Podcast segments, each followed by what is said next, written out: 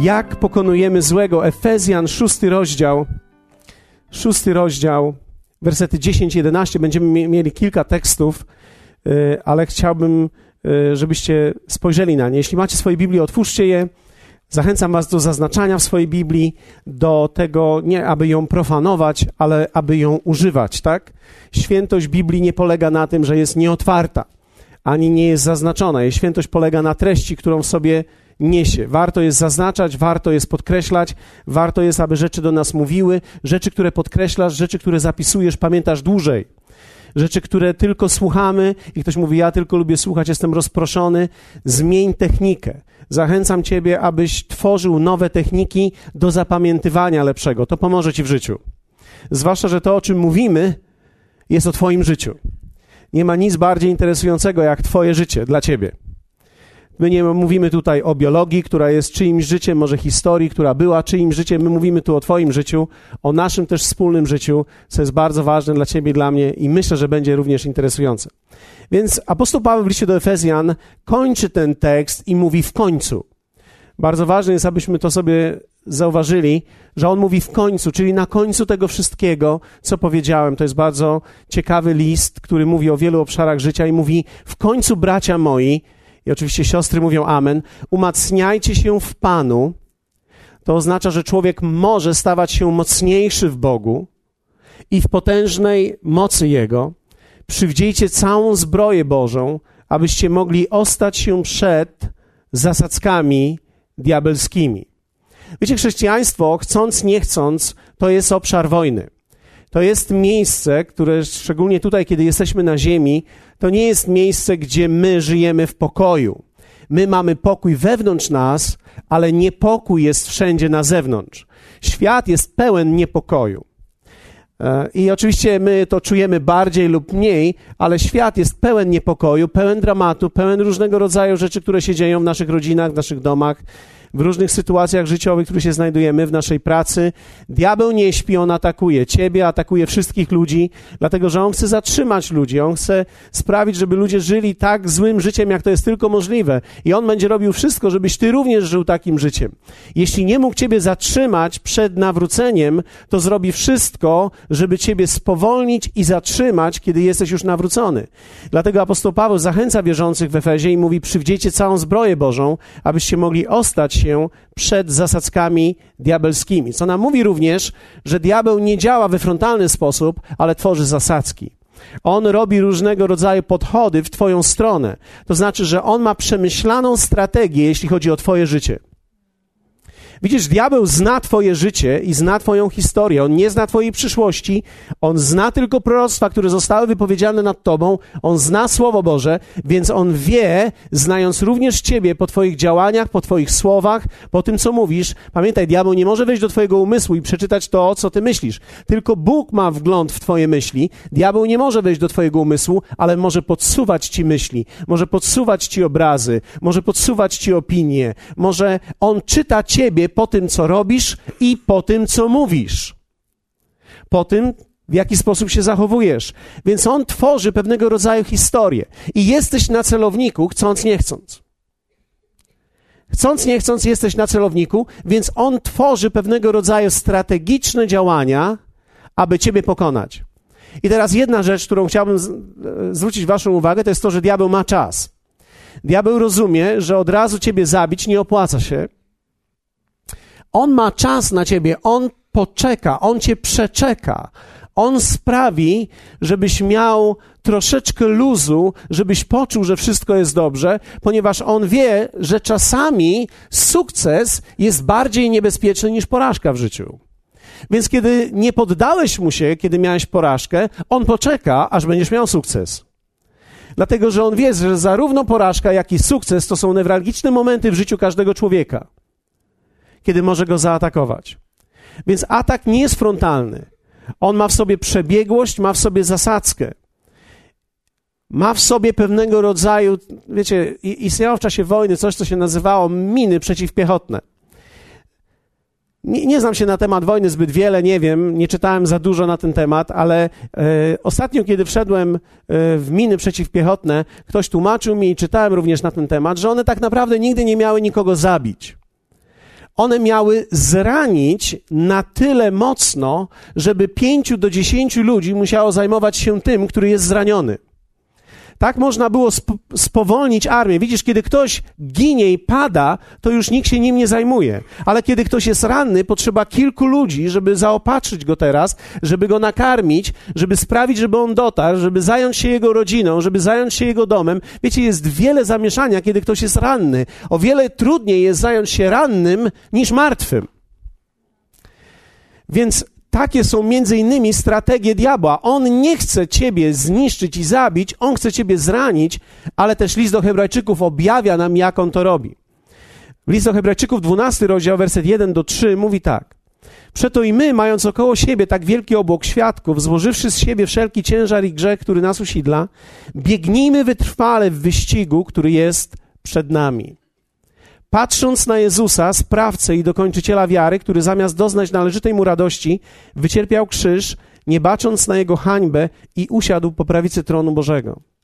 Przeto pomyślcie o tym, który od grzeszników zniósł tak wielkie sprzeciwy wobec siebie, abyście nie upadli na duchu utrudzeni. Powiedzmy razem to słowo utrudzeni. Widzisz, plan diabła i strategia diabła nie jest taka, aby ciebie zabić, ale taka, żeby ciebie obciążyć, żebyś się zmęczył. Zmęczenie nie jest często tylko ilością pracy, zmęczenie jest stanem duchowym, z którego każdy wierzący musi zdawać sobie sprawę i nauczyć się odpoczywać we właściwy sposób. Za każdym razem, kiedy tracisz pokój Boży wewnątrz, wchodzisz w miejsce, w którym się męczysz szybko. Jeszcze raz to powtórzę. Za każdym razem, kiedy diabeł ograbi ciebie z miejsca pokoju, zaczynasz się szybko męczyć. I zmęczenie, wiecie, wielu wierzących mówi o zmęczonym życiu. Odpoczywają. Odpoczywają ciągle. Ja znam takich wierzących, którzy odpoczywają mniej więcej raz w miesiącu, muszą wyjechać na tydzień, żeby odpocząć. Są tacy wierzący, nie są tutaj w kościele, są gdzieś w kościele. W Polsce znam takich wierzących, którzy odpoczywają mniej więcej tydzień na miesiąc i ciągle są zmęczeni i nigdy nie słyszałem, że odpoczęli i nigdy nie słyszałem, że są świeżymi ludźmi. Dlaczego? Ponieważ gdzieś w którymś miejscu stracili pokój i wiecie, kiedy tracisz pokój, tracisz tak naprawdę energię życia. Diabeł obciąża ciebie. List do Hebrajczyków mówi tak: Przeto mając około siebie tak wielki obłok świadków, to jest mowa o tych, którzy są zwycięzcami, złożywszy z siebie wszelki, zobaczcie co? Ciężar. Powiedzmy razem ciężar. Ciężar. Ciężar. Diabeł chce ciebie obciążyć. Obciążyć, bo on wie, że kiedy ciebie obciąży czymś, biegniesz wolniej. On wie, że kiedy ciebie obciąży, nie dotrzesz wystarczająco szybko do celu. Ktoś, kto jest obciążony, od razu wie, że nie ma szans. Od razu wie, że w biegu nie ma szans. Od razu wie, że musi się zmęczyć, żeby coś osiągnąć, więc się na wszelki wypadek czuje już od razu zmęczony. Złożywszy z siebie wszelki ciężar, i tu jest bardzo ciekawe, i grzech, który nas usidla. W greckim ten tekst jest bardzo interesujący, ponieważ grecki ten tekst, również angielski oddaje to, grzech, który łatwo nas usidla. Grzech, który w prosty sposób, łatwy sposób przychodzi do nas. Słyszycie to, co ja? Nie wiem, co to jest, ale zestrzelcie to, co tokolwiek to jest. Okej, okay. to jest to? Zastrzelcie to.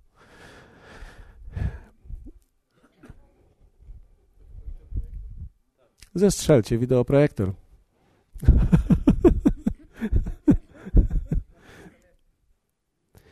Więc zwycięstwem diabła nie jest grzech sam w sobie.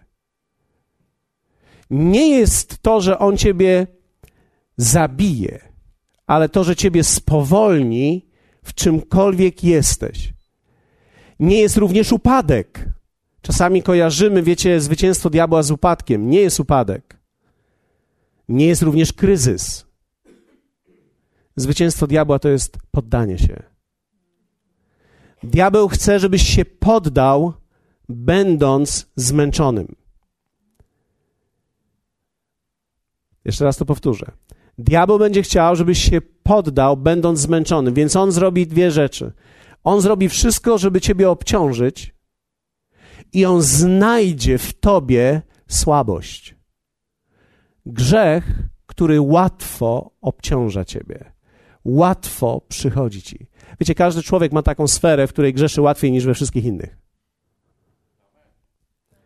Wiecie, niektórzy, wiecie, są trzy sfery grzechu: porządliwość ciała, porządliwość oczu i pycha tego życia. Każdy człowiek którąś z tych sfer ma łatwiejszą i ma bardziej wykształtowaną i ma bardziej tendencję, żeby grzeszyć w jednym miejscu.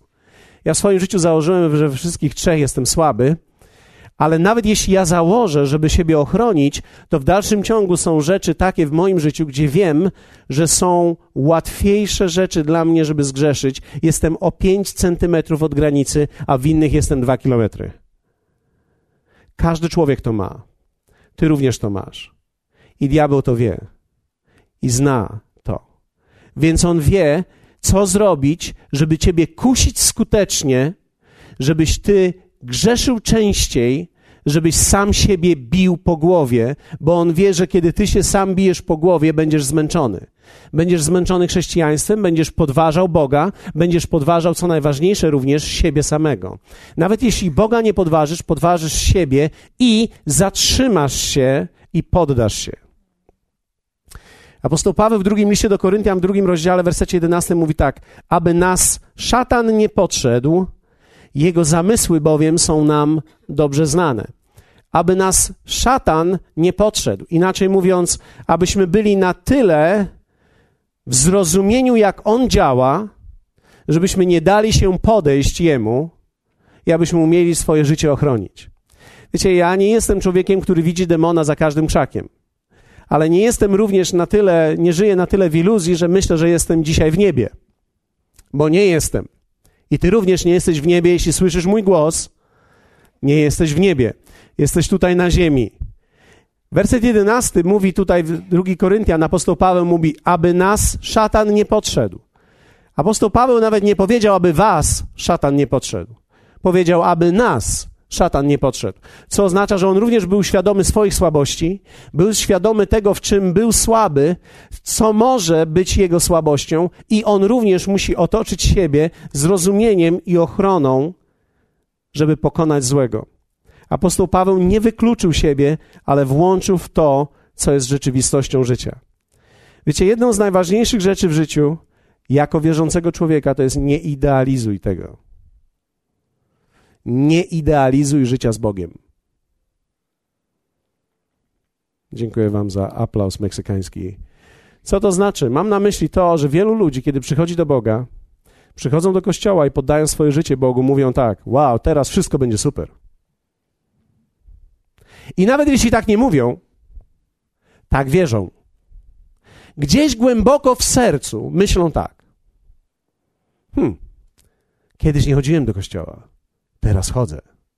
Z pewnością wszystko mi ominie. Kiedyś nie chodziłem do kościoła, nie służyłem Bogu, nie dawałem mu żadnych pieniędzy, teraz daję mu swoją dziesięcinę i ofiarę. Z pewnością Bóg ochroni mnie, da mi to wszystko, co mi obiecał, będę, będę bogaty. Może jeszcze nie teraz, ale na pewno któregoś dnia będzie mi dobrze. Któregoś dnia po prostu będę w takim miejscu, że prawie że wierzyć nie będę musiał. Wiecie, nawet jeśli my tego nie mówimy, to gdzieś tak myślimy. I nawet kiedy dostałeś pracę od Boga, myślisz sobie, skoro dostałem pracę od Boga, przecież nikt nie może mi zabrać, bo jak Bóg mi dał, to kto mi może zabrać? Trzy dni później jesteś zwolniony. Trzy dni później jesteś zwolniony i zaczynasz podważać i siebie, i Boga, ponieważ dlaczego? Ty nie rozumiesz nic. Idealizujesz życie z Bogiem. Większość ludzi idealizuje życie z Bogiem. Idealizujemy, bo wydaje nam się, że skoro nie służyliśmy Jemu, no to normalne, że było nam źle. Ale teraz, jak Jemu służymy, no to wszystko będzie dobrze.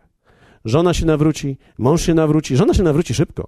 Mąż się nawróci bardzo szybko. Moje dzieci się nawrócą, wszyscy będą śpiewać, wszyscy będą stali tutaj i śpiewali w niedzielę Błogosław duszo moja Pana, ja na na na na na.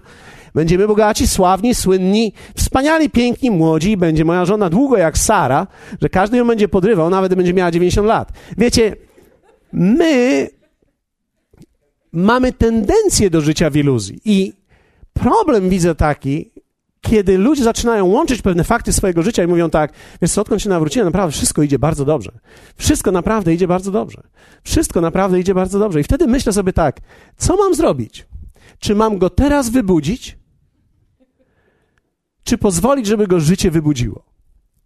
Ponieważ albo ja, albo życie go wybudzi. Jeśli ja go wybudzę, ja będę wrogiem. Więc ja rezygnuję wtedy. Jeśli życie go wybudzi, życie będzie wrogiem. Dlaczego musimy być wybudzeni? Ponieważ myśmy nie poszli do nieba, kiedy się nawróciliśmy. My dalej jesteśmy na ziemi, dalej mamy pewne słabości, jesteśmy nowymi ludźmi, mamy potężną moc, ale jeszcze nie wykształtowaną, jeszcze nie znamy dobrze Boga, nie rozumiemy wielu zasad, wiele rzeczy jest dla nas odległych. Nasza koncepcja Boga jest koncepcją wcześniejszą. Poznaliśmy, wiecie, żeby się nawrócić, wystarczy tylko zrozumieć, że Jezus ma być Panem i poddać Mu swoje serce. Ty nawet nie wiesz, czy Trójca istnieje. To nie jest Twoje pytanie. Oczywiście, że istnieje, ale ty, ty nie zadajesz tych pytań. Ty nie zadajesz pytań o żadną doktrynę, a co z Marią, bo nie ma znaczenia w tym momencie, co z Marią. Wiadomo, że była. Wiadomo, gdzie była. Wiadomo, co robiła. Więc wiecie, nie zadajesz tych pytań, po prostu się nawracasz, oddajesz życie Bogu. Dopiero później przychodzi całe zrozumienie. Dopiero później przychodzą, przychodzi rzeczywistość. I rzeczywistość musi przyjść. I wiecie, ja nie próbuję zminimalizować nawrócenia. Uważam, że to jest największy cud, jaki istnieje. Ale odkąd jestem pastorem już jakiś czas, zobaczyłem, że ludzie myślą, że odkąd się już nawrócili, teraz już będzie niebo. Ale niebo będzie w niebie. Teraz jest ziemia. Tu ziemia, tu ziemia. Jesteście ze mną? Tu ziemia. Tu ziemia. My z ziemi mówimy niebiańskie rzeczy część nieba jest nam dana. Mamy możliwość poszerzania tego nieba na ziemi, ale ziemia nie zniknęła. Diabeł się nie usunął, kiedy ty się nawróciłeś. Diabeł nie zniknął z koszalina. Kiedy ty zostałeś wypełniony Duchem Świętym, on nie zniknął z twojego domu, z twojego telewizora. On się przyczaił. I on teraz buduje strategię. Nie mówię tego, żebyś się bał.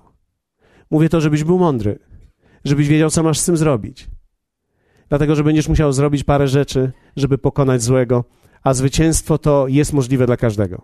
To zwycięstwo jest możliwe dla ciebie, to zwycięstwo możliwe jest dla najsłabszego, bo tak naprawdę zwycięstwo to jest nie poddać się.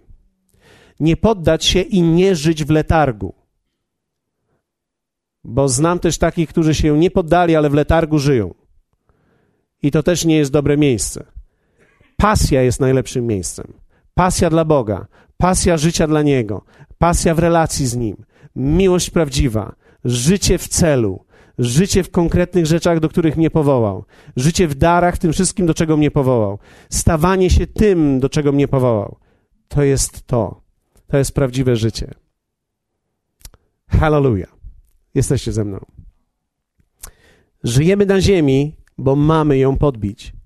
Mamy dalej uprawiać i mamy ją strzec. My zwyciężamy, ponieważ walczymy. Ponieważ walczymy. Więc w jaki sposób zwyciężamy?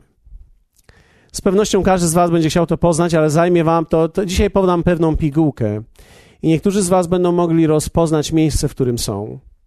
I niektórzy z Was będą mogli zobaczyć narzędzia, które potrzebujecie dzisiaj i pewne decyzje, które możecie podjąć, żeby zwyciężyć, a te decyzje są bardzo ważne. Widzisz, Bóg nic nie zrobi w Twoim życiu bez Twoich decyzji, bez Twojego działania. Dlatego samo słuchanie jest zbyt mało. Ty potrzebujesz narzędzia, potrzebujesz wiedzieć, co masz zrobić, zadziałać i wtedy oczekiwać właściwego planu.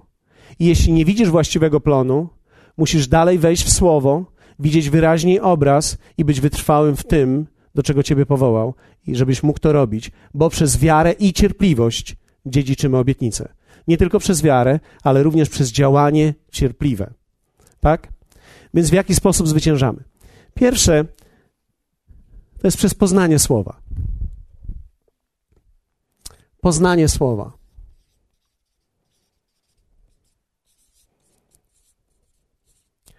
Wiecie, niektórzy z Was myślą sobie, a to takie proste.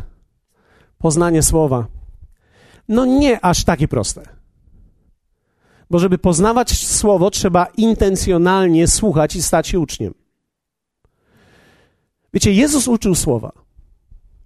Jezus uczył słowa. Niektórzy nie byli na nauczaniu. Wtedy, kiedy uczył słowa. A mieli wielkie oczekiwanie. Nawet jego matka nie uczestniczyła w jego nauczaniu, co daje mi wielką zachętę.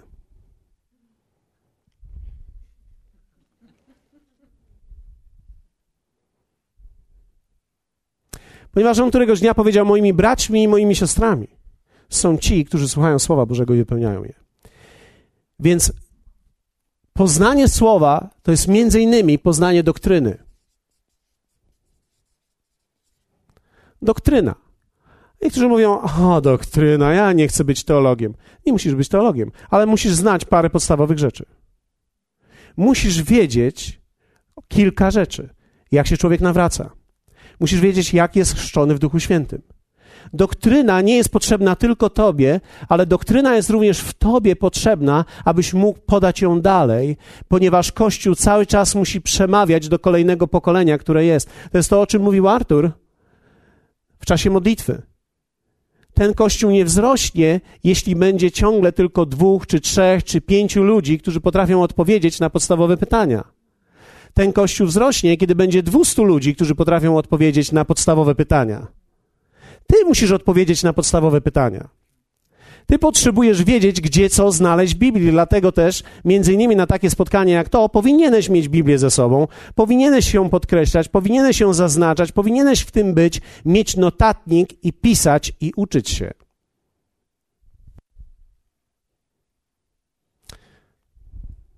Wiecie, nie mówię tego po to, żeby was zawstydzić.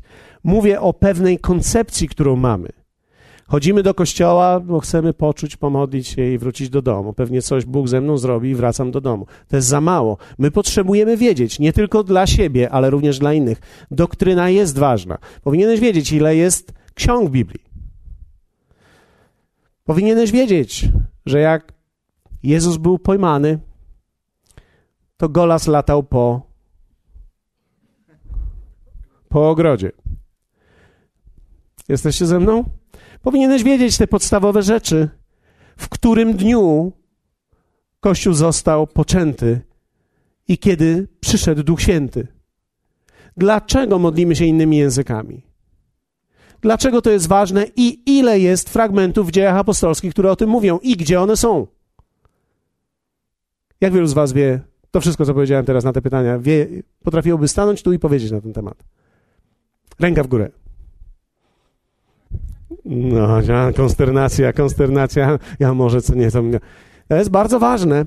To jest bardzo ważne. Widzicie, Edukacja jest bardzo istotna, dlatego mamy i będziemy mieli od września, w tej chwili już zaczynamy to, zaczęliśmy już od stycznia w zasadzie wprowadzać Kościół w to i daliśmy sobie dwa lata tak naprawdę, żeby wprowadzić to, przynajmniej minimum. To są kursy, seminaria, różnego rodzaju spotkania mentorskie.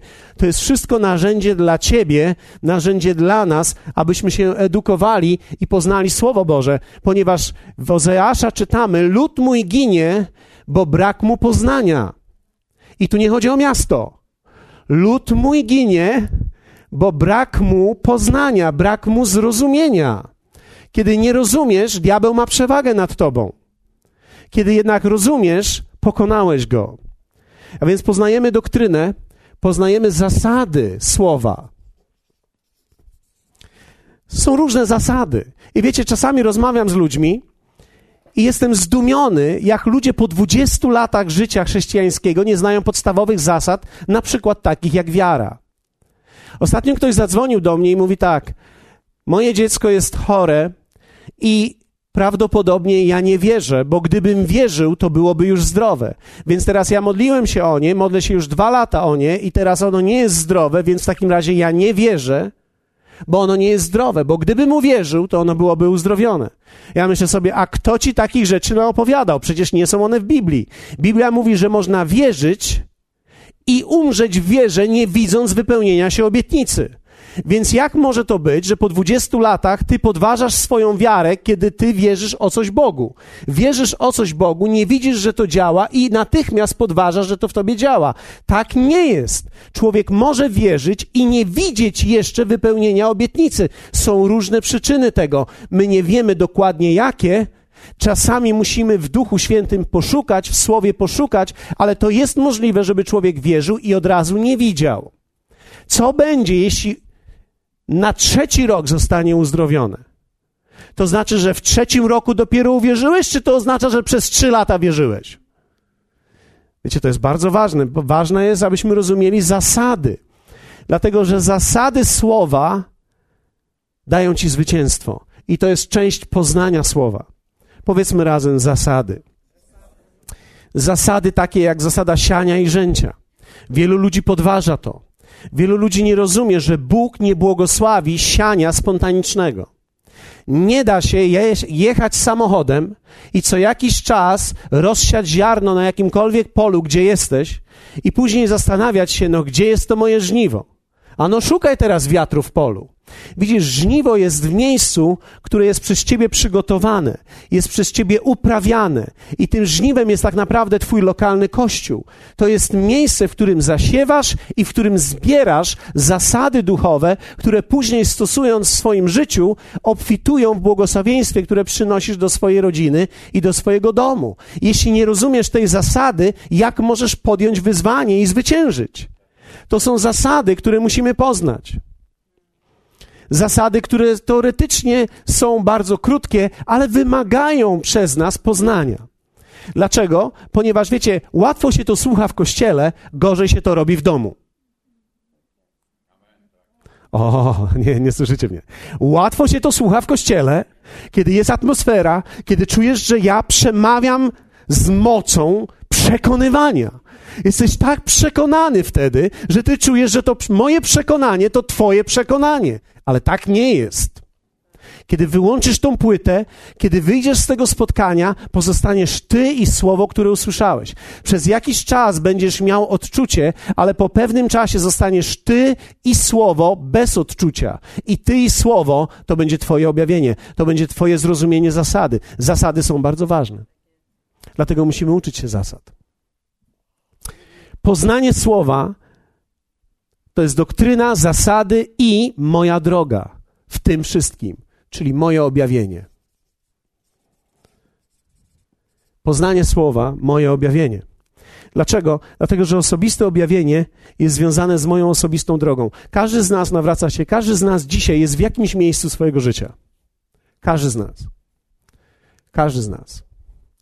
Począwszy z tyłu. Marcin, Kuba, Dorota, Domi, Kuba, tak? Osiemnastolatka nasza nowa. Darek, Waldek. Każdy z nas jest w innym miejscu, sezonie życia i w innym momencie życia. I teraz słowo musi znaleźć swoją aplikację do Twojego miejsca, do Twojej sytuacji. To oznacza, że Ty będziesz musiał je znaleźć, będziesz musiał przyciągnąć je do siebie i mieć objawienie. To jest dokładnie to, przez co Piotr przeszedł. Jezus powiedział do niego: Ciało i krew nie objawiły ci to, ale mój ojciec, który jest w niebie, objawił ci to. Więc bardzo ważne jest, jakie jest Twoje osobiste objawienie słowa na przestrzeni miejsca, w którym Ty dzisiaj jesteś. Ty dzisiaj jesteś w jakimś miejscu. Batka dzisiaj jest w jakimś miejscu. Ma jakąś sytuację życiową, teraz ma kota, więc to jest bardzo interesujące i to jest określenie zwierzęcia. I. E, teraz ma, teraz ma dzieci i kota, teraz ma wiele innych rzeczy, które się dzieją w ich życiu. E, gratuluję Arturowi odwagi, bo to, to jest odwaga, to jest, to jest zwycięstwo prawie, że jak jeszcze kupisz sobie drugiego kota, będziesz podążał za mną. Hallelujah. Ale tak to właśnie wygląda, że my mamy historię i teraz ty jesteś w jakimś miejscu życia, dlatego potrzebujesz objawienia. I teraz to wszystko, posłuchajcie mnie, to wszystko tworzone jest przez pragnienie. Czyli poznanie słowa jest wynikiem Twojego pragnienia. Dlatego też apostoł Piotr powiedział te słowa, że odkąd jesteście teraz zrodzeni z Boga, zapragnijcie duchowego, niesfałszowanego mleka. mówi o Słowie Bożym, o zapragnieniu tego Słowa. Często rozmawialiśmy z Waldkiem na ten temat. W momencie, kiedy naprawdę na poważnie przyszedł do Boga, kiedy Bóg naprawdę dotknął jego życia, postanowił słuchać, słuchać, słuchać, czytać, czytać, słuchać, czytać. Dlaczego? Dlatego, że w tym momencie to jego pragnienie było bardzo istotne do tego, aby pomnożyć poznanie słowa, aby zrozumieć doktrynę, aby widzieć zasady i aby mieć objawienie na miejsce, w którym się dzisiaj znajduje. Bez tego nie ma żadnego zwycięstwa. Dopóki słowo nie jest w tobie, nie zwyciężysz. Można być w kościele, to jest najgorsze. Można być w kościele, słowo nie jest w tobie, możesz słuchać i nic z tego. Dopóki to nie wiąże się z Twoim pragnieniem, wtedy nawet będziesz słuchał inaczej. Wiecie, inaczej się jest na wykładzie. Kiedy ktoś ci opowiada, jak masz, jak, jak pewien człowiek wychodzi, jak ćwiczy, jak walczy, bo, bo za chwilę będzie walka z 213-kilowym człowiekiem i ty słuchasz, jak wyglądają przygotowania, jak wygląda dieta, jak wyglądają treningi, jak wygląda jego życie. To jest strasznie nudne. Dopóki to nie jesteś ty, który ma z nim stanąć do walki. Jesteście ze mną? Jak ja ci będę opisywał, jak wygląda teraz dieta pięściarza, jak wygląda jego codzienne ćwiczenie, to mówisz tak, nie, mnie sport nie interesuje, to jest strasznie nudne, nie chcę tego. Ale kiedy powiem, wiesz co, kiedy się to spotkanie skończy, to ty pójdziesz do walki. Wtedy ty otworzysz zeszyt, otworzysz Biblię i powiesz, powtórz mi jeszcze raz, co ja mam zrobić, jak to ma wyglądać. Człowiek zupełnie inaczej słucha, kiedy to jego dotyczy, a zupełnie inaczej słucha, kiedy to jego nie dotyczy. Jesteście ze mną? I różnica jest w pragnieniu. Pragnienie jest jednak Twoją decyzją. Posłuchajcie mnie, pragnienie to Twoja decyzja. Żołądek można rozciągnąć i żołądek można skurczyć. Jeszcze raz, żołądek można rozciągnąć, żołądek można skurczyć. Są ludzie, którzy mają bardzo skurczony żołądek. Po pewnym czasie nawet już głodu nie czują. Wody się napiją, już już głodu nie czują. Ale można rozciągnąć żołądek. Zjesz mocniej, zjesz więcej, i później chcesz jeszcze więcej, i później jeszcze więcej, i później jeszcze więcej, a później już dwa jesz obiady, a później dwa i pół obiada jesz. I aż tak, aż do skutku. Można iść naprawdę na grubo. A można iść w drugą stronę. Czyli ja nie dziękuję, ja nie dziękuję, ja nie dziękuję, ja nie dziękuję i nie czujesz już w ogóle głodu. Można dojść do miejsca anoreksji, tak samo w fizycznym ciele, tak samo i w duchowym ciele. To jest wszystko kwestia pragnienia. Pragnienie jest zatem kwestią decyzji i umysłu. Pragnienie jest kwestią decyzji i umysłu. Dlatego to ty musisz zapragnąć, podjąć decyzję. Ja chcę uczestniczyć w kursach, chcę uczestniczyć w seminariach, ja chcę być na słowie, ja chcę być w kościele, ja chcę być w niedzielę, ja chcę słyszeć, ja chcę widzieć, ja chcę być w tym, w czym oni są. Ja potrzebuję tego.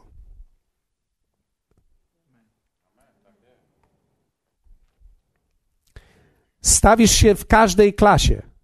Będziesz na każdym, na każdej lekcji kiedy będziesz chciał zdać egzamin i to będzie walka o Twoje życie.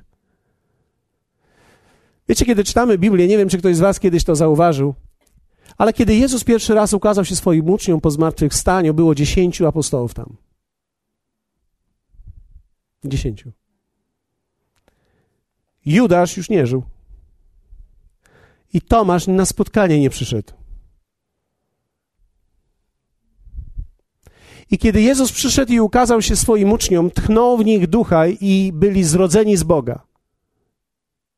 Dziesięciu było na nowo narodzonych. A Tomasz się spóźnił, przyszedł później. I Tomasz już był na innym poziomie zupełnie. Zobaczcie, dziesięciu apostołów zostało narodzonych na nowo, a jeden nie. Przychodzi i mówi: Ja nie wierzę. Ja nie wierzę. Ja normalnie nie wierzę. My mówimy o nim niewierny Tomasz, ale ja bym powiedział spóźnialski Tomasz. Albo Tomasz nieobecny. Widzisz, kiedy jesteś nieobecny, nie, to ciebie nie będzie dotyczyło. Kiedy jesteś nieobecny, nie możesz tego otrzymać. Pomyślcie sobie, jak to mogło wyglądać. Zmartwychwstały Pan przychodzi i brakuje ucznia. I Biblia nie objawia nam, gdzie on poszedł, gdzieś sobie poszedł. Nie było go razem z pozostałymi. Hallelujah. Interesujące. Pragnienie jest bardzo ważne, poznanie słowa. Druga rzecz. Jak pokonujemy złego? Poznanie siebie. Poznanie słowa. Drugie, poznanie siebie. Poznanie siebie. Słowo czyta mnie. Pozwalam, aby słowo mnie czytało. Najpierw ja poznaję słowo, później słowo czyta mnie. Objawia mi, kim jestem i jaki jestem. Kim to jest nowy człowiek. Musisz wiedzieć, kim jesteś jako nowy człowiek. I również jaki to jest, jaka jest Twoja stara dusza, którą każdy ma inną. Każdy ma inne miejsce ciemności w sobie. Każdy ma inny grzech, który nas usidla.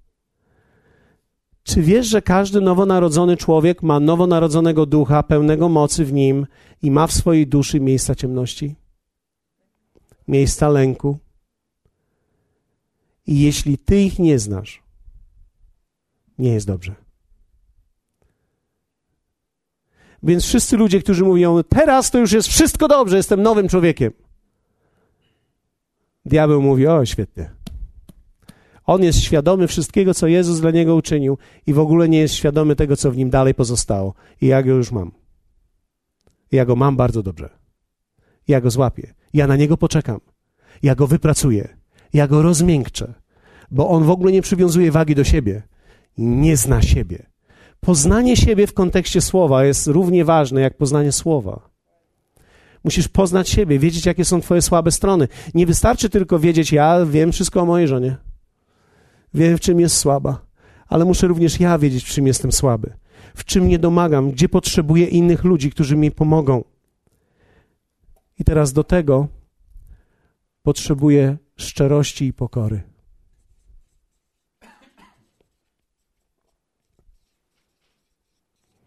Posłuchajcie mnie.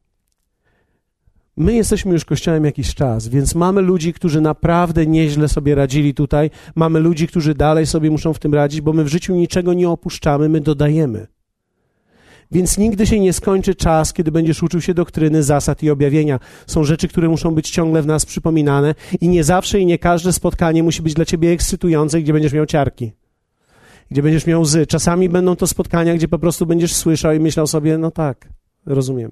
No tak, to rozumiem. Będziesz układał w sobie rzeczy i to dalej jest dobre spotkanie. Jesteście ze mną? Więc poznanie słowa nie odkładamy, ale teraz kolejną rzecz, którą dodajemy, to jest poznanie siebie. Bardzo interesujące jest dla mnie jako dla pastora, ponieważ poznanie siebie najczęściej to jest szorstki moment. To jest moment ciemny dla nas. Wielu ludzi wtedy przeżywa trudne rzeczy, ponieważ myślą sobie, ja już myślałem, że we mnie tego nie ma, a teraz we mnie są rzeczy. Czy ktoś z Was miał kiedyś taką chwilę, albo całkiem niedawno, że wydawało Ci się, że już jesteś tak długo chrześcijaninem i już nie powinieneś mieć tak wielu różnych tamtych rzeczy sprzed tamtego czasu, a w dalszym ciągu je posiadasz jakby i one posiadają Ciebie, co najgorsze dalej. Czy mieliście takie objawienie? To jest bardzo ciekawe. I wiecie, wielu ludzi zastanawia się i mówi tak, to co w takim razie jest z tym chrześcijaństwem? Nic złego się nie stało. Posłuchaj mnie, nic złego się nie stało. To jest po prostu czynnik, który jest w tobie tworzony, to jest poznanie siebie, to jest dzieło Ducha Świętego.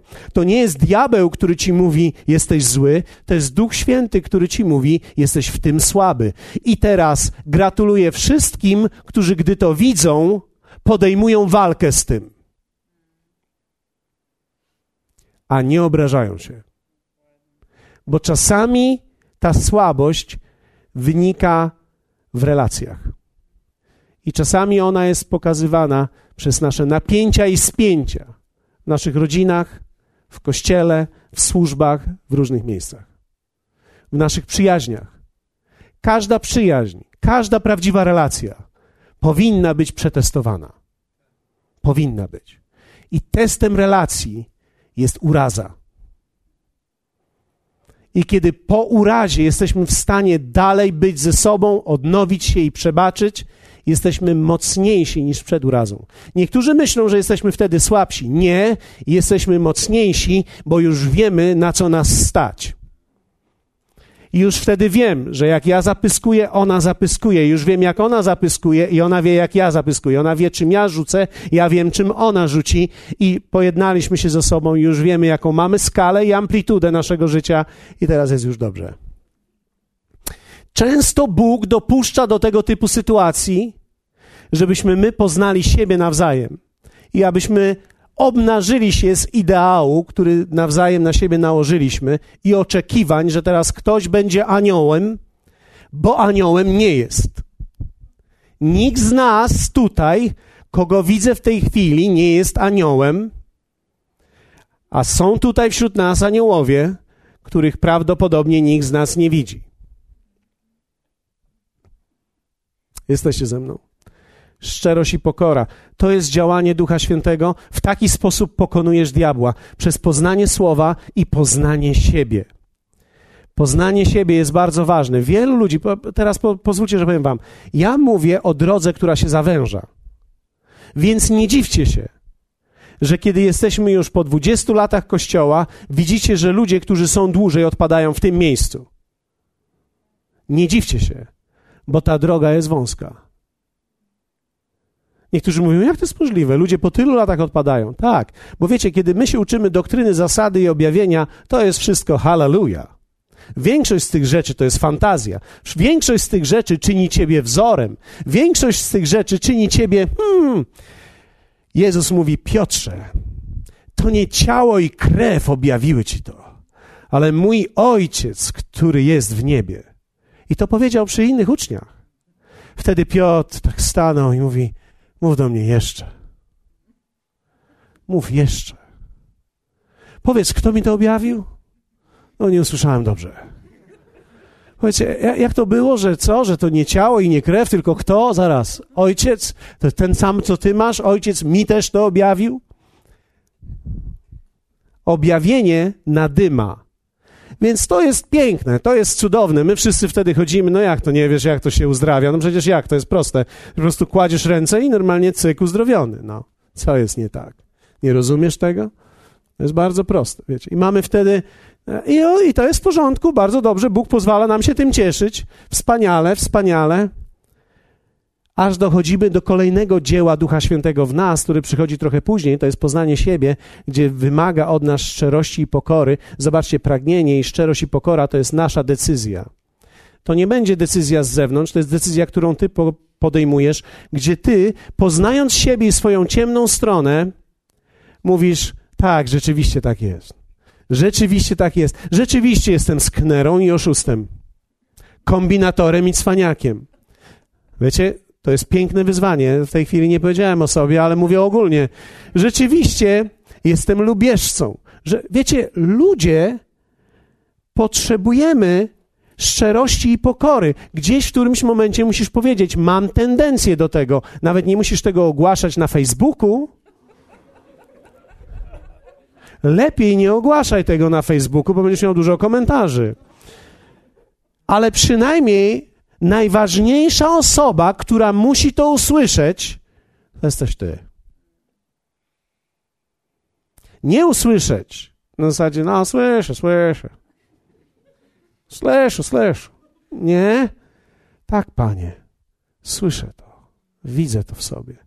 To jest mój obszar ciemności. Chcecie iść dalej węższą drogą, czy się tu zatrzymamy? Chcecie odejść w tym miejscu? Nie? Ja nigdzie nie idę. Trzecie. Niektórzy myślą, że to jest proste, ale wierzcie mi, tak pokonujemy diabła. Tak pokonujesz jego strategię.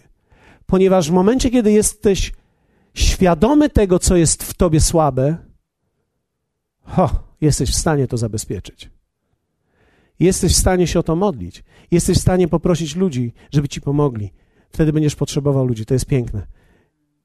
I ostatnia rzecz poznanie odkupienia.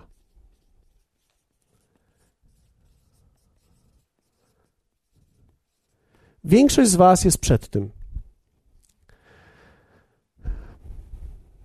Większość z Was jest przed tym. Niektórzy są w trakcie. I niewielu ludzi przez to przechodzi właściwie. Ja nie widziałem zbyt wielu. Szczególnie w naszym kraju. Bo my mamy idealizujemy tak bardzo to życie chrześcijańskie, że myślimy, że teraz, skoro już jesteśmy chrześcijanami, to nic złego nam się nie stanie. Ale poznanie odkupienia to jest poznanie Boga w momencie, kiedy przychodzą do ciebie, do twojego życia sytuacje, trudności, uderzenia, których nie jesteś w stanie kontrolować. I moment, w którym nie wiesz, dlaczego wszystko to, co już wiedziałeś, nie działa.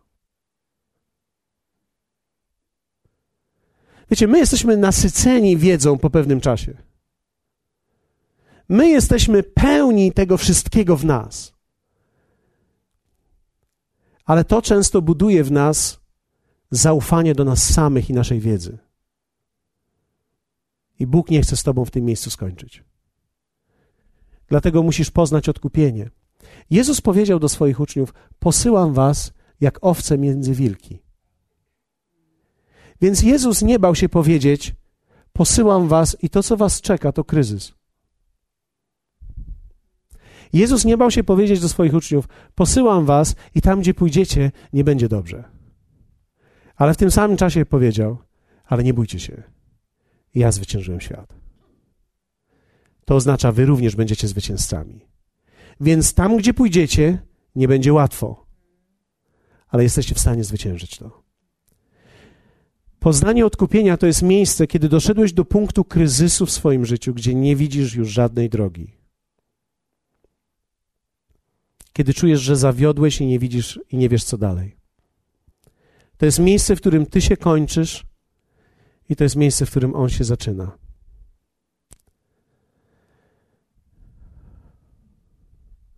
Myśmy tego nie widzieli jeszcze, bo byliśmy jeszcze zbyt młodzi, ale wierzcie mi, ludzie będą przychodzić do nas i będziemy widzieli ich w różnych stanach i będziemy widzieli chrześcijan, którzy popadają w różne stany. Właśnie kilka tygodni temu misjonarze, którzy wyjechali od Rastiego, pastora Rastiego do Afryki, byli tam trzy miesiące. Ich najmłodsze dziecko wpadło do basenu. Rok i dziewięć miesięcy i zmarł. Wybudzili go i zmarło. Wierzyli i modlili się. Mimo wszystko zmarło.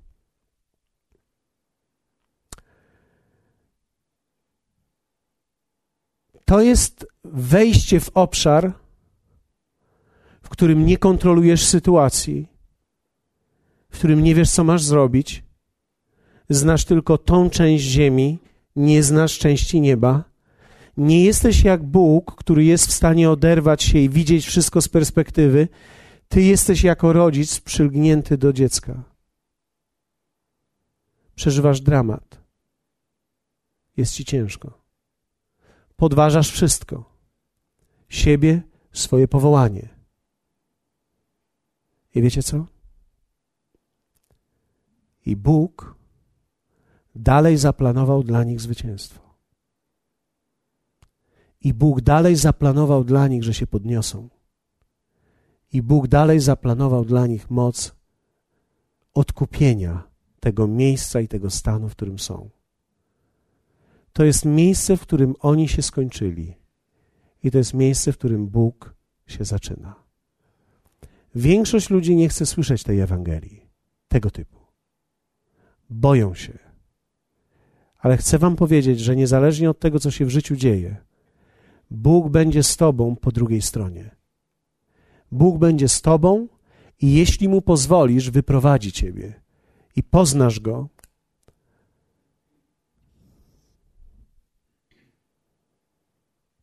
Przez poddanie i zaufanie.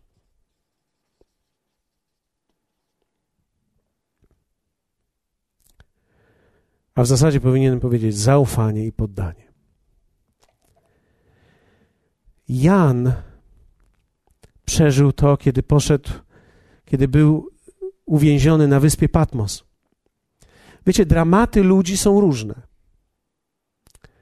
Dramaty ludzi są różne, dramaty, sytuacje życiowe są różne. Nie każdy z Was Większość z nas nie przeżyje tego typu dramatu, który opisałem. Ale są ludzie, którzy przeżyją to. Może nie tutaj, ale ktoś w Polsce może to, to pomóc mu, gdy będzie słuchał tego nauczania. I chcę Ci powiedzieć, że Bóg będzie z Tobą po tej drugiej stronie. I kiedy spojrzycie tak, Bóg tworzy człowieka, aż czyni go zwycięzcą we wszystkim. Dlatego, że w tym miejscu również jest zwycięstwo i odkupienie. To nie musi być ten dramat. To może być bankructwo, to może być rozwód, to może być upadek w grzechu, kiedy człowiek już nie wie, co ma robić. Nie wiem, jaką Biblię czytamy, ale wierzcie mi, kiedy patrzę na bohaterów biblijnych, każdy z nich musiał przejść moment załamania i trudności. Nie znajdziesz żadnego bohatera w Biblii, który od samego początku do końca miał niebo. Ale każdy z tych bohaterów przeszedł pewną walkę i przez pewną bitwę i wojnę. Piotr był taką osobą. Piotr przeszedł lekcję poznania słowa i osobistego objawienia, kiedy był z Jezusem. Piotr był z Jezusem i słuchał uważnie Jego słów i przeszedł test tego objawienia. Zdał ten test. Miał objawienie. Czy ktoś z Was widzi, że Piotr miał objawienie? Apostoł Piotr miał objawienie. Piotr przeszedł również lekcję poznania siebie. Miał moment swojej ciemności. Pamiętacie, kiedy zdradził Jezusa? Nie, nie zdradził, zaparł się Jezusa. Mateusz napisał: Wtedy wyszedł Piotr i gorzko zapłakał. Wszyscy bibliści mówią, że Mateusza przy tym nie było, opowiedział mu to sam Piotr, więc umieścił to w Ewangelii. Piotr opowiedział mu swoją historię, co się z nim stało, kiedy zaparł się Jezusa trzykrotnie i gdy usłyszał tego koguta, który zapiał. Nagle cały świat mu runął. Wszystko padło. Wiecie, w jednym momencie mówisz: Panie, ja z Tobą pójdę nawet na śmierć. Czego Piotr nie miał w tym momencie? Piotr w tym momencie nie miał poznania siebie. Większość z nas nie wie, co w nas jest, dopóki moment kryzysu nie przychodzi. Wtedy wychodzi moment kryzysu. I nie osądzajmy nikogo, gdy przychodzi moment kryzysu, a ktoś podejmuje złe decyzje. Nie osądzajmy ludzi, którzy się rozwodzą. Nie osądzajmy ludzi, którzy upadają w grzech. Nie osądzajmy sytuacji zbyt szybko. Nie uczmy się życia w osądzie w kościele, białe, czarne, naznaczony, bo teraz ten źle zrobił, bo teraz tamten źle zrobił. Wierzcie mi, nikt z nas nie wie, co by zrobił. Gdybyśmy byli w tej sytuacji, w której się znaleźliśmy. Ci ludzie, którzy się znaleźli, byli w jakiejś sytuacji i tak postąpili. My nie wiemy, jak my byśmy się zachowali. Dziękujmy Bogu, że jeszcze nie byliśmy w takiej sytuacji i nie musiało się objawić, i może nawet w niej nie będziemy. Więc wiecie, są ludzie, którzy żyją pod różną presją. I Piotr nie znał siebie, nie wiedział, jak to jest.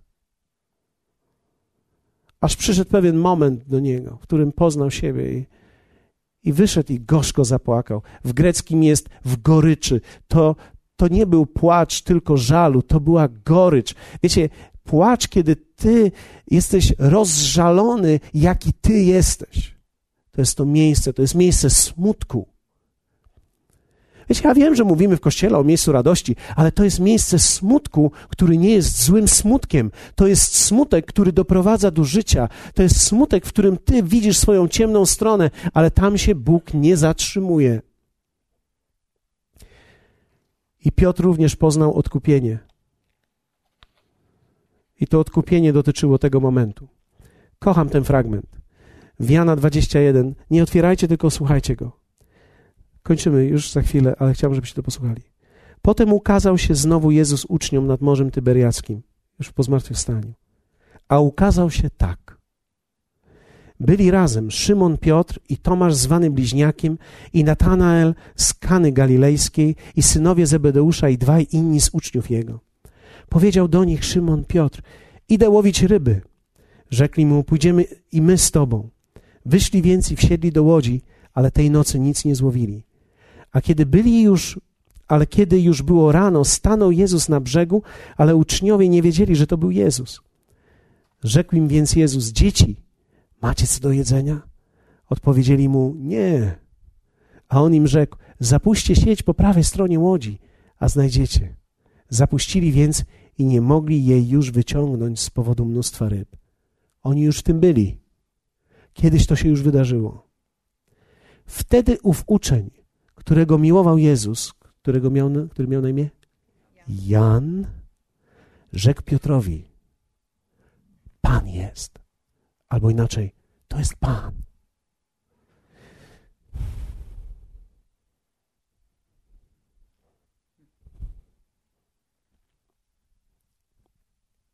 Czytajcie dalej.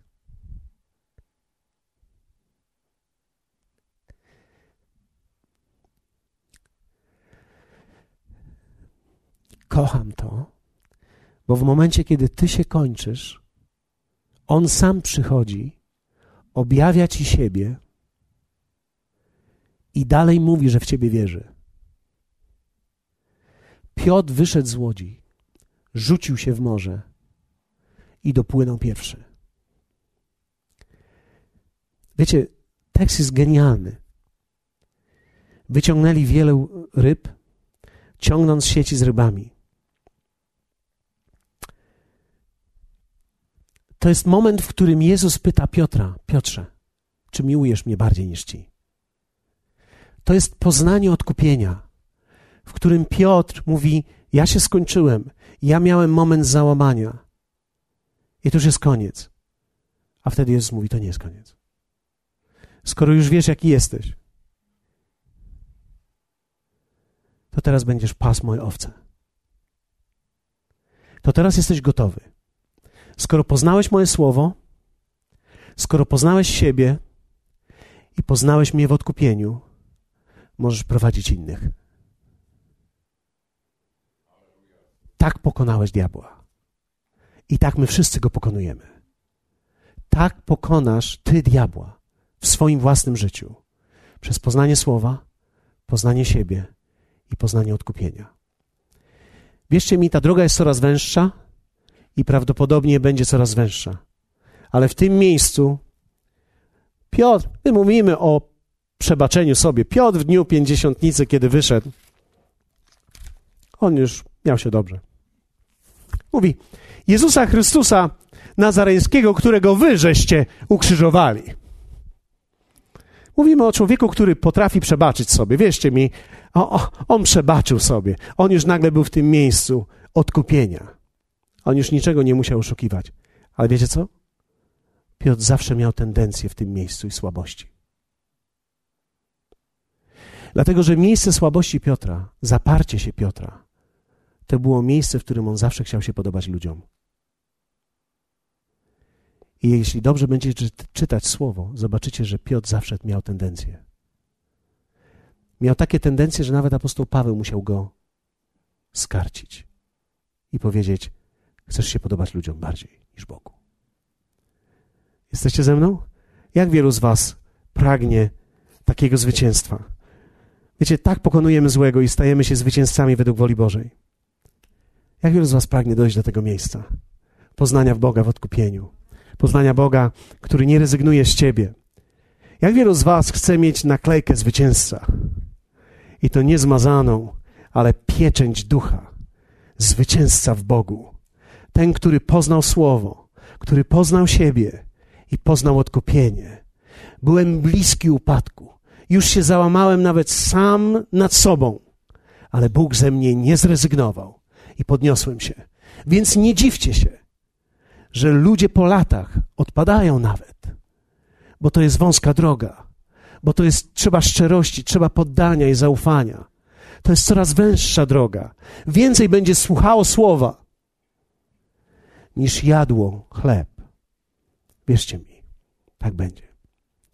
Ale zwycięstwo jest dla nas, zwycięstwo jest możliwe, zwycięstwo jest w słowie. List do Hebrajczyków mówi: zrzućcie z siebie ciężar wszelki, wszelki grzech, który was usidla i idźcie dalej do przodu. Powstańmy razem. Kto z was chce tego?